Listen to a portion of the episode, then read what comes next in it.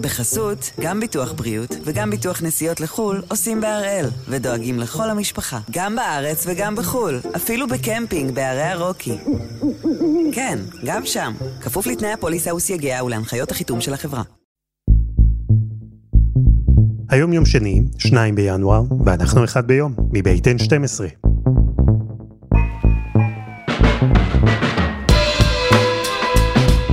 אני אלעד שמחיוף, ואנחנו כאן כדי להבין טוב יותר מה קורה סביבנו, סיפור אחד ביום, בכל יום.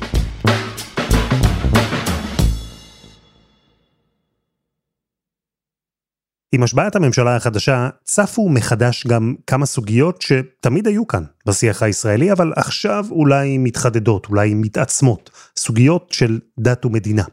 גיוס לצה"ל, עבודות בשבת, מערכת החינוך, מיסים, שילוב בעבודה, זכויות נשים, אפילו כלים חד פעמיים. הכל נכנס פתאום שוב לרובריקות המוכרות של חרדים, דתיים וחילוניים, כאשר מעל כל זה ניצבת בעצם שאלה גדולה אחת, שאלה שבמידה כזו או אחרת מעסיקה את ישראל מאז שקמה. האופטימיים ישאלו, איך חיים ביחד? הפסימיים אולי שואלים אותה אחרת. אם בכלל אפשר לחיות ביחד.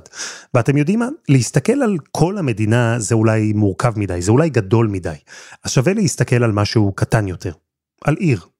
עיר אחת, לא מאוד גדולה, שבה בדיוק הקרב הזה מתנהל כבר שנים. קרב על האופי הדתי או החילוני, על פרקטיקות יומיומיות, כמו תנועת תחבורה ציבורית, רעש במרחב, רחובות מופרדים לנשים ולגברים. ויכול להיות, ככה לפחות אומרים לא מעט אנשים בעיר הזו, שהקרב שמתנהל שם יכול ללמד אותנו לא מעט גם על התמונה הגדולה יותר. בכלל, על מדינת ישראל.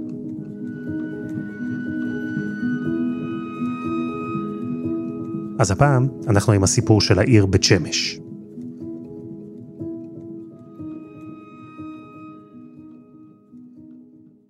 שי גל, שלום.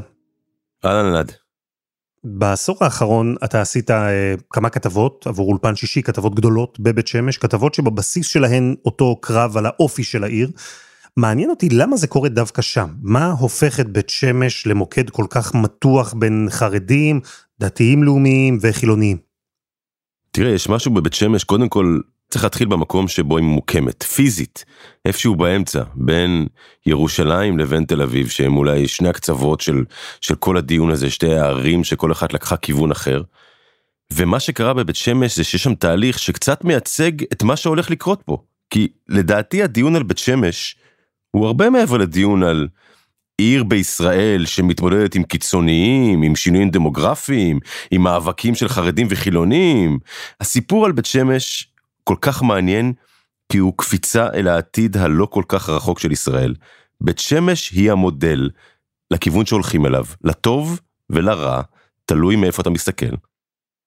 אז זהו, שאנחנו בעצם מסתכלים על בית שמש כמיקרוקוסמוס כזה לתהליכים שקורים בכלל בישראל, וגם בתוך בית שמש אפשר למצוא מקום כזה מיקרוקוסמוס, שהוא אולי תמצית המאבק.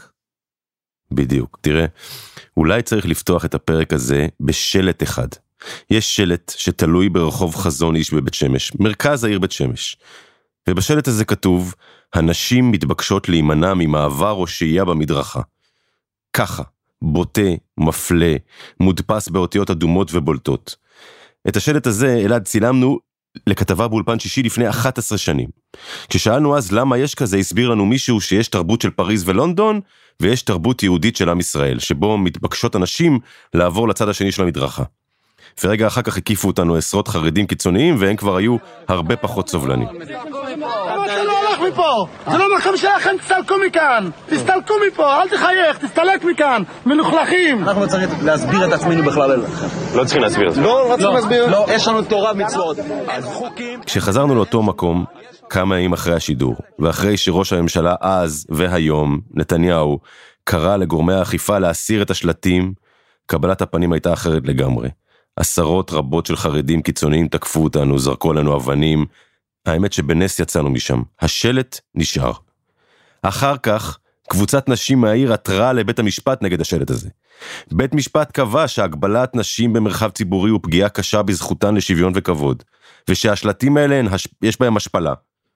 מה אמרה אז העירייה? אין ביכולתנו לממש את דרישות החוק ולהוריד את השלטים. בכל פעם שהסירו אותו, הוא נתלה מחדש. צילמנו את השלט הזה גם החודש, הוא עדיין שם. זה תראה, מדינה שלמה על כל הרשויות שלה לא מסוגלות להוריד שלט שהוא לא חוקי. לא מוכנות להתעמת עם זה עד הסוף, אף אחד. הקיצוניים מנצחים. והשלט הזה אולי מספר הכל. אז בוא נחזור להתחלה, להתחלה של בית שמש, כלומר, אי אפשר בכלל היה לדמיין שהעיר תהפוך למה שהיא היום. נכון, נפתח רגע בנוסטלגיה, 1950, בית שמש אה, נוסדה כמעברת עולים.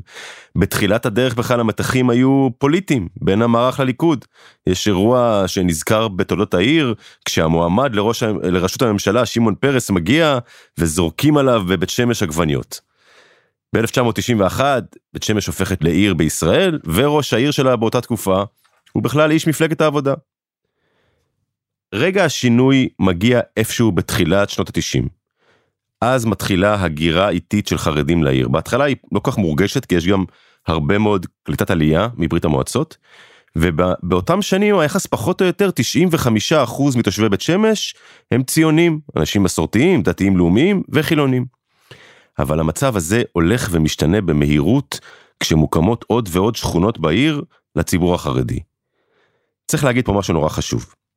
אנחנו לא, מג... לא מדברים פה על איזה מגמה טבעית, זאת אומרת, כולנו יודעים שיש באמת מצוקת דיור אמיתית במגזר החרדי, אבל זה לא שזה קרה במקרה שאנשים חיפשו דירות והגיעו לבית שמש. יש פה אירוע מתוכנן, שרשרת של דילים פוליטיים, גם ברמה העירונית ואחרי זה ברמה של המדינה והממשלה, מישהו החליט שבית שמש היא תהיה הפתרון למצוקת הדיור של המגזר החרדי. רק שאף אחד לא הודיע לתושבי בית שמש שזה מה שהולך לקרות. מה זה אומר אבל? איך האירוע המתוכנן הזה התנהל? מה שמאפיין את הדבר הזה, זה שבעצם יוצאים מכרזים לשכונות שמיועדות מראש לציבור חרדי. זה אומר שהמאפייני בנייה שלהם מתאימים לציבור החרדי, אמ, זה אומר שהביקוש שלהם והייעוד שלהם נעשה דרך חצרות ואדמו"רים, וגם דרך המדינה, זאת אומרת המדינה משיקה שם באופן מודע שכונות לחרדים. וזהו, באותו ביקור ראשון שלך בבית שמש לפני 11 שנים בערך, יכולת לראות את זה ממש קורה, את התהליך של אוכלוסייה חרדית שנכנסת לעיר ואיך העיר משתנה בהתאם? כשאני הגעתי לבית שמש, הייתי כתב באולפן שישי, ובאותו שבוע, בתחילת אותו שבוע, היה אירוע שכל המדינה דיברה עליו, אישה בשם טניה רוזנבליט, עלתה לקו אוטובוס באשדוד, מה שנקרא קו מהדרין, והנהג אמר לה שבי מאחורה, והיא לא הייתה מוכנה. והוא התעקש שהיא תשב מאחורה או שתרד, אמ, והיא תיעדה את האירוע הזה, אמ, והוא הופיע בשער של ידיעות אחרונות, והפך כל המדינה, בעצם נולד אה, צמד מילים חדש, הדרת נשים. ועל הרקע הזה אנחנו נוסעים לבית שמש, שזה עיר שכבר היו בה מתחים מאוד גדולים. אנחנו מגיעים לאירוע אחד מאוד ספציפי, והאירוע הזה זה בית ספר, שנקרא בית ספר אורות לבנות, שהוא יושב ממש בקו התפר בין האזור החרדי לאזור המסורתי, זה אפילו, אה, אתה יודע, לא האזור החילוני, אה, ושם אנחנו פוגשים את הדסה אה, ואת הבת שלה נעמה, ילדה בת שבע, שמספרת לך שבמסגרת הקרב שמנהלים על מי ישלוט בבית ספר, חרדים קיצוניים קיללו וירקו עליה. הרבה פעמים מפחידים אותי. פחד שמה? שמה יקרה? משהו כזה. מי זה? מי האנשים האלה? הם רוצים שאני אתלבש כמו חרדית ושאני אתן להם את הבית ספר. והילדה פשוט רועדת מול העיניים, וזה משהו שאני לא אשכח. בית שמש של 2011 הייתה עיר מתוחה. עמדנו שם בחוצות העיר, וראינו יריקה במישהי מול הפנים שלנו, ואני חושב שאולי הרגע השני המשמעותי שם, חוץ מהמפגש עם נעמה מרגוליס, היה הרגע שבו עצר לידינו רכב, וברכב הזה ישב חרדי קיצוני, שפשוט הצדיק את המעשה הזה. מה מתיר לך לירוק על ילדה? אני, אז אני אגיד לך למה. לירוק על ילדה שמתנהגת לא, לא כדין תורה, נכון. ילדה בת שבע? נ, ילדה בת שבע, כן. ילדה בת שבע, כן. מה הבעיה? יש, יש רבנים, יש רבנים, ורבנים נותנים לנו, נותנים לנו את הכוח איך ללכת ברחוב, ואיך אישה צריכה, צריכה להתנהג כשהיא הולכת לרחוב, וככה צריך להיות. והתמונות האלה עשו משהו. הם שינו משהו בחברה הישראלית. לעצור ולפעול נגד מי שיורק מי שמרים יד, מי שמתנכל. אני מבקש גם ממשרדי הממשלה ומרשויות האכיפה לפעול להסרת שלטים שמפרידים מדרכות. אין לזה מקום במדינה דמוקרטית חופשית. ראש הממשלה אז מוציא הודעה שהמצב הזה לא יכול להימשך בבית שמש. אלפים מגיעים להפגנת תמיכה ומחאה, כולל נציגי הליכוד ומירי רגב, ואתה יודע, זה, יש ממש התגייסות של כל, הייתי אומר, כל החברה הציונית נגד הדבר הזה. הרבה שאלו אותי אם אני מתכוונת לעזוב. התשובה שלי, בשום פנים ואופן לא. והרבה פעמים אני מסתכל על אחורה ואני שואל מה השתנה? אני חושב שמה שקרה בבית שמש באירוע של נעמה שרטט קו אדום. מה אסור, מה לא יסבלו, מה לא יקרה יותר. זאת אומרת, לא הדבר הזה שמישהו חושב שמותר לו לירוק על ילדה בשם איזשהו סכסוך על טריטוריה, הוא לא יעבור. אני זוכר את האירוע הזה טוב, לשמוע את נעמה מרגוליס, אז בת שבע בטראומה. זה היה רגע שבו אולי התחדדה ההבנה שבית שמש השתנתה, שחלקים בעיר משחקים בכלל בכללי משחק אחרים מאלו שהתושבים שלה הורגלו אליהם. אבל מעבר לעניין הזה, הרעש שיצר הסיפור של נעמה, שינה משהו בדינמיקה בתוך העיר? בוודאי, זאת אומרת, אם אתה שואל עוד השלכה ברורה של אותם אירועים של היריקה על נעמה מרגוליס, זה שהייתה התגייסות של הכוחות, נקרא לזה הציוניים בעיר, ואנחנו מגיעים למערכת בחירות מאוד מאוד סוערת ודרמטית ב-2013.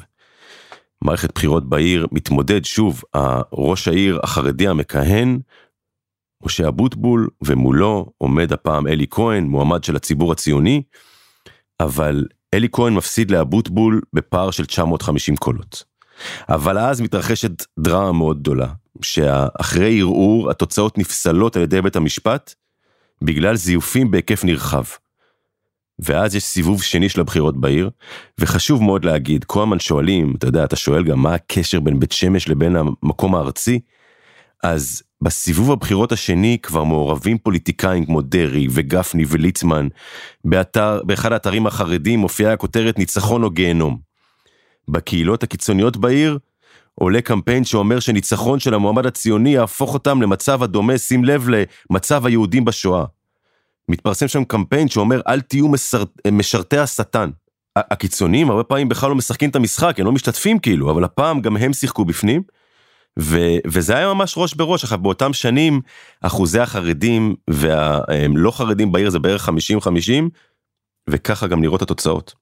וגם בסיבוב השני אבוטבול מנצח בפער של 750 קולות.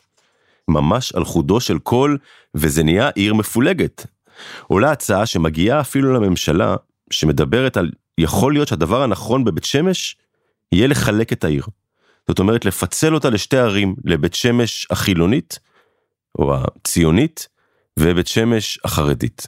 אפילו גיאוגרפית זה לא דבר מסובך מדי לעשות בגלל התוואי. אבל המתנגדים הגדולים לפיצול הזה אה, הם החרדים.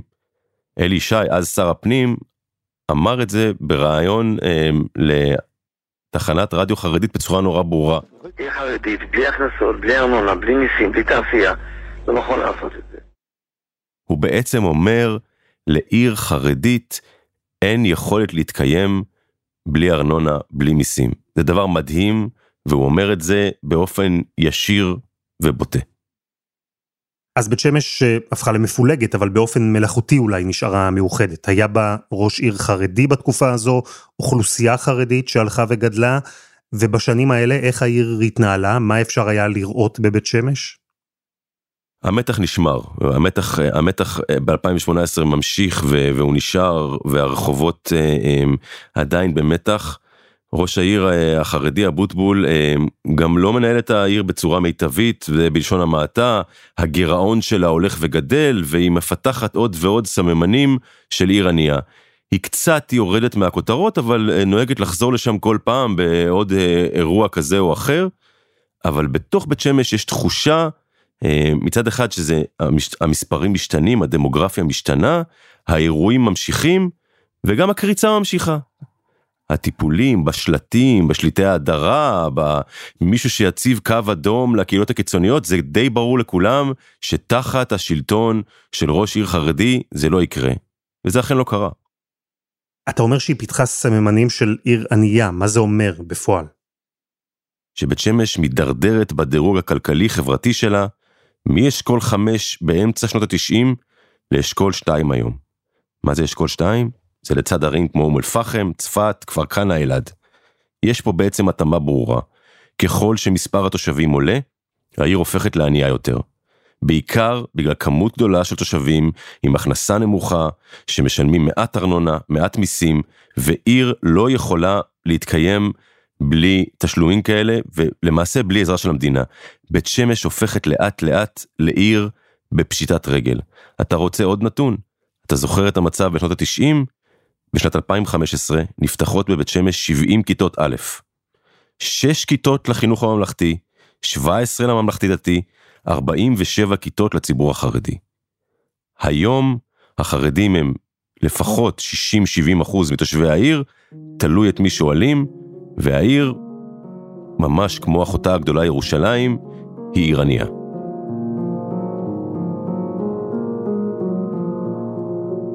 חסות אחת, וממש מיד חוזרים.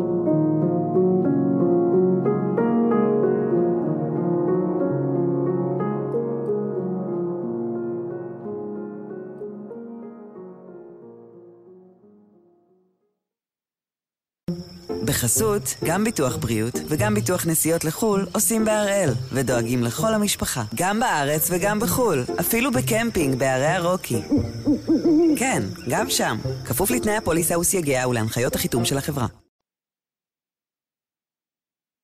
אנחנו עם הסיפור של העיר בית שמש, עם קרב שממשיך להתחולל שם בין חרדים לחילוניים, לדתיים לאומיים, קרב על האופי של העיר, קרב שבמידה רבה קשור גם לסוגיות שאנחנו רואים שמעסיקות בכלל את הישראלים בכל מקום במדינה. ושי גל, עצרנו בשנת 2018, ראש עיר חרדי סיים אז קדנציה, בית שמש הידרדרה בדירוג הסוציו-אקונומי שלה, היא הפכה לעיר ענייה, ואותו תהליך של קהילה חרדית שהופכת את בית שמש ליעד, הוא המשיך גם אז.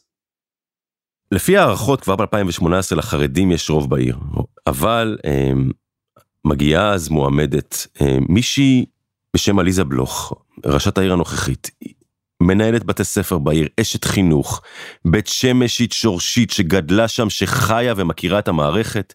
אגב, אישה דתייה, והיא במהלך מאוד מאוד מפתיע, מצליחה להדיח מהכיסא את המועמד החרדי אבוטבול ולנצח אותו שוב ברוב דחוק מאוד של כמה מאות קולות. מה קרה שם? כנראה צירוף של כל מיני דברים. אחד, בלוך הצליחה לשכנע שהיא מביאה רוח חדשה לתוך העיר, העיר נמצאת במצב לא טוב ויש תחושה בכלל להרבה אנשים שצריך להחליף את השלטון, וגם התגייסות מאוד מאוד גדולה, החל מפוליטיקאים ברמה הארצית אה, ועד פוליטיקאים מקומיים אה, וכמובן התושבים שאומרים הפעם חייבים להתאחד בלי פיצולים בתוך המחנה להציל את בית שמש. והיא גם מצליחה להביא הרבה מאוד כסף מהמדינה, והיא בונה אזורי תעשייה היא מבינה שבית שמש לא תחזיק את עצמה. אני חושבת שהתמונה היא פה היא מאוד מאוד מאוד מורכבת. ואני חושבת שהעובדה שאנחנו בוחרים לחשוב טוב איך מוציאים חרדים לשוק העבודה, איך מקימים פה אזורי תעשייה. זאת המשימה הלאומית של מדינת ישראל, שבית שמש היא הבבואה שלה.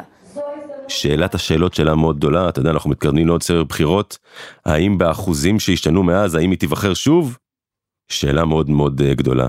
אני כן אוהב משפט אחד של עליזה בלוך, אוקיי? היא אומרת, הסיפור של בית שמש עכשיו, זה הסיפור של מדינת ישראל עוד 20 שנה. זאת השאלה איך נראה העתיד. היא אומרת, אני לא מוכנה להרים ידיים ולוותר. ועליזה בלוך, היא הצליחה לגשר על הפער הזה בינה כאישה דתייה אמנם אבל לא חרדית, שצריכה לנהל עיר מורכבת עם רוב חרדי ומיעוט דתי חילוני. היא מצליחה כן ליצור קשר וכן אה, להגיע ולנהל דיאלוג מאוד מאוד משמעותי אה, עם כל הצדדים בעיר. כולל אה, חצרות, אתה יודע, שהם לא היו במשחק הפוליטי או אפילו חצרות קיצוניות.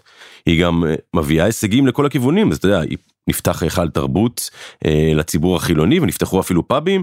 במצב השני, היא כמובן דואגת מאוד גם לצד החרדי, דואגת להמשך הפיתוח שלו, ולכן, כיוון שהיא מתמקדת בעשייה, היא מצליחה לשפר את מצבה של בית שמש, אבל בנקודה הזאת אני ועליזה בלוך לא נסכים.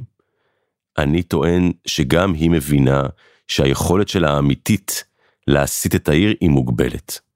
כי הקואליציה שלה בסוף היא צריכה את כל הציבור החרדי איתה בקואליציה, אין לה באמת יד חופשית לעשות, לעשות דברים, ולכל מה שהיא מעבירה לטובת ציבור כזה, היא חייבת לתת גם לציבור האחר. זה המשחק הפוליטי בבית שמש, זה משחק של אמצע שקשה מאוד לעשות בו שינוי מהותי לעיר. אפשר לעשות בו שיפורים קטנים, האם אפשר, אתה יודע, להציל את בית שמש מהמשבר שלה? היא מנסה, אני מאוד מקווה שתצליח, והקלפים שלה לא מספיק טובים. העניין הוא שהאופטימיות ששאבה עליזה בלוך והדיבורים שלה על חיים משותפים אפשריים בבית שמש, הכל נשען לא מעט על רעיון של הפרדה. כלומר, אם אני לוקח פרויקט חשוב וגדול שלה, אותה שכונה שאמורה להיות מיועדת לאוכלוסייה לא חרדית בעיר בלבד. בדיוק. וזאת שכונת נווה שמיר. שכונת נווה שמיר היא השכונה שאמורה להיות העתיד של בית שמש הלא חרדית. שכונה גדולה, שנבנתה עבור הציבור הכללי הציוני, זה שלא בנו לו שנים, אבל אז משרד השיכון החליט לעבור למכירה בשיטת של מחיר למשתכן, וזה כבר פועל מעל העירייה. וככה יצאו לשיווק פרויקטים של מחיר למשתכן גם בשכונה החדשה, בשכונת נווה שמיר. ומה שקרה זה שמי שהגריל בית שם, חלק מהאנשים היו גם חרדים, חלקם גם חרדים קיצוניים. ראשת העיר עשתה פה צעד יוצא דופן, באישור של המשנה ליועץ המשפטי לממשלה. היא אמרה, חרדים שזכו בשכונה ה', בואו נעשה החלפה של דירות עם חילונים שזכו בשכונה אחרת שמיועדת לציבור החרדי. זאת אומרת, היא ניסתה להוריד את החיכוך ולעשות את החילוף. בתחילת החודש הגענו לשכונה. ואיך נגיד בעדינות, אה, המאמצים האדירים שהושקעו שם, אה, עולה עליהם סימן שאלה מאוד גדול. בסופו של יום, יש היום, השכונת נווה שמיר התחילה להתאכלס, רק כמה רחובות בודדים. אבל בשכונה החדשה יש חילונים, חובשי כיפות סרוגות, חרדים וגם חרדים קיצוניים. והשכונה הזאתי הפכה לזירת התגוששות חדשה. ומה שקורה בזירה זה בעצם קרב על הצביון של השכונה. זה מתחיל מזה שקבוצות קיצוניות של חרדים בנו שם בתי כנסת לא חוקיים, אחרי זה התקינו צופרי שבת, יש קריאות לעבר נשים שלא לבושות לרוחם. אתה לא יודע איזה עוצמתי זה. החלונות שלי סגורים, הכל סגור ואני שומע את זה בתוך הבית כאילו זה בתוך הבית. ככה כל שישי לפני הכניסה. אני מתלבשת לא לטעמם, אני עכשיו אלך, יסובבו ככה את הראש. והיום הלכתי לזרוק זבל, שזה הדבר הכי בסיסי שיש, ו... ופשוט כאילו כולם זזו, כאילו אני איזה מצורעת, אני בן אדם. הם רוצים כאילו שהשכונה תהיה חרדית, עולים פשקווילים, צועקים שבס, צועקים שיקסה. זה דברים שאי אפשר לחיות ככה ביחד. ובצד השני עומדים חילונים שקנו שם ושכרו בתים בהרבה כסף, והם לא מתכוונים לוותר כל כך. ושאנחנו הגענו, מד הטמפרטורה בשכונה היה גבוה. את לא יכולה להיכנס פה, רק מי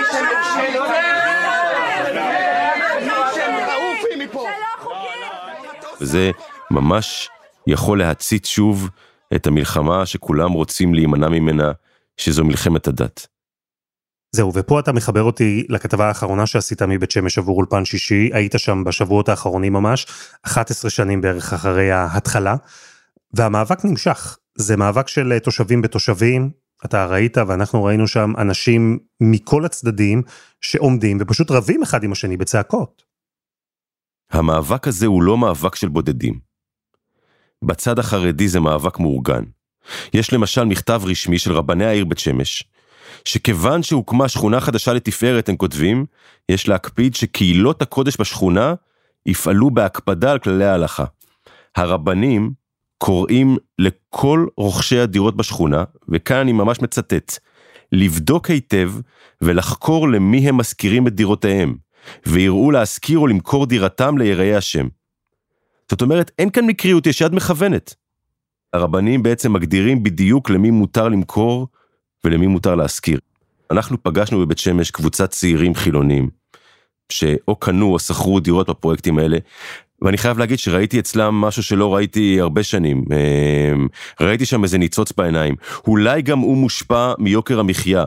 והם אומרים, אנחנו הפעם נתעקש, ואנחנו הפעם נישאר, ואנחנו אה, נילחם על השכונה הזאת שאמורה להיות שלנו.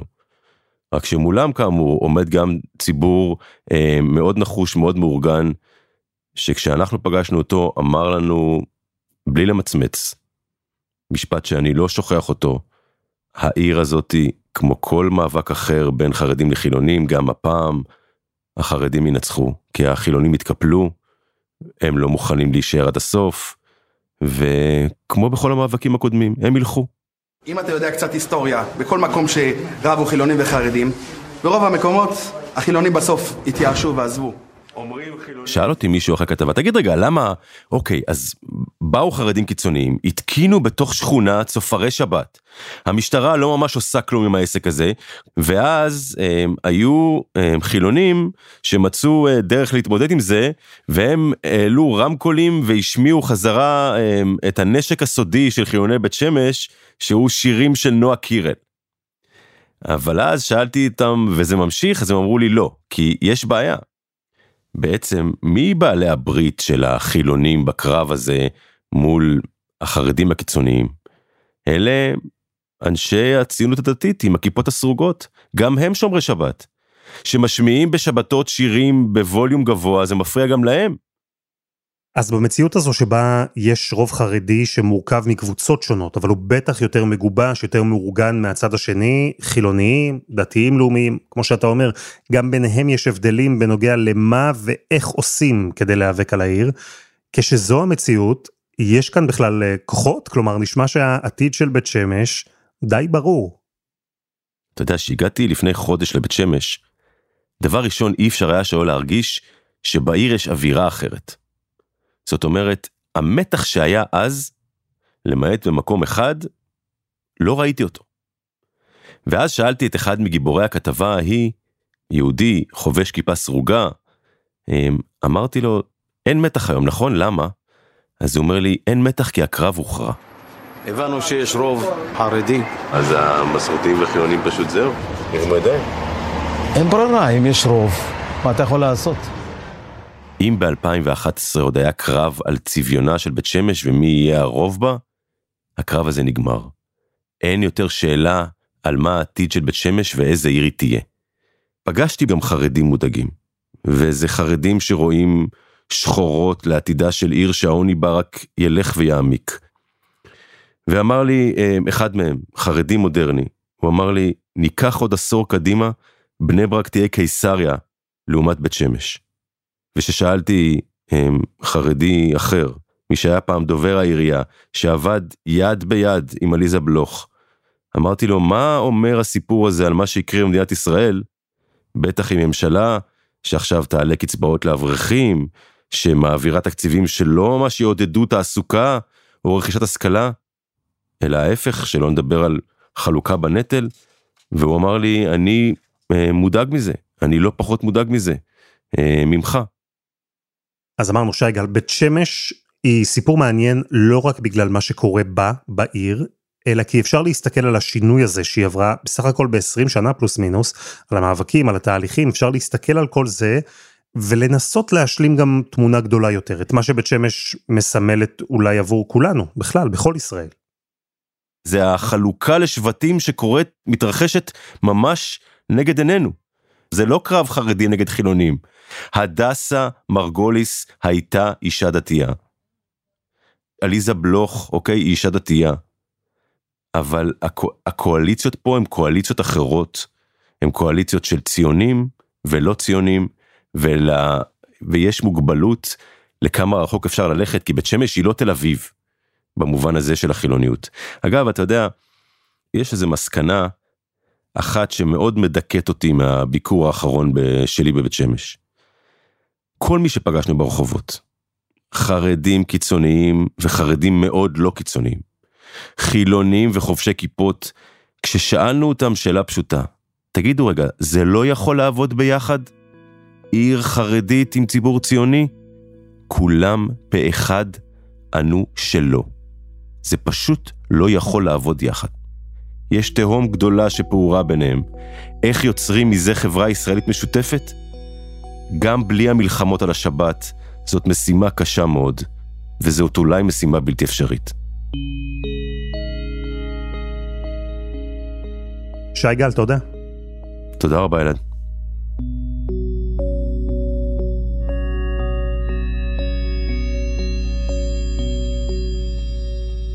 וזה היה אחד ביום של N12. אנחנו מחכים לכם בקבוצה שלנו בפייסבוק, פשוט חפשו אחד ביום, הפודקאסט היומי. אנחנו שם. העורך שלנו הוא רום אטיק, תחקיר והפקה רוני ארניב, דני נודלמן ועדי חצרוני, על הסאונד יאיר בשן שגם יצר את מוזיקת הפתיחה שלנו, ואני אלעד שמחיוף, אנחנו נהיה כאן גם מחר.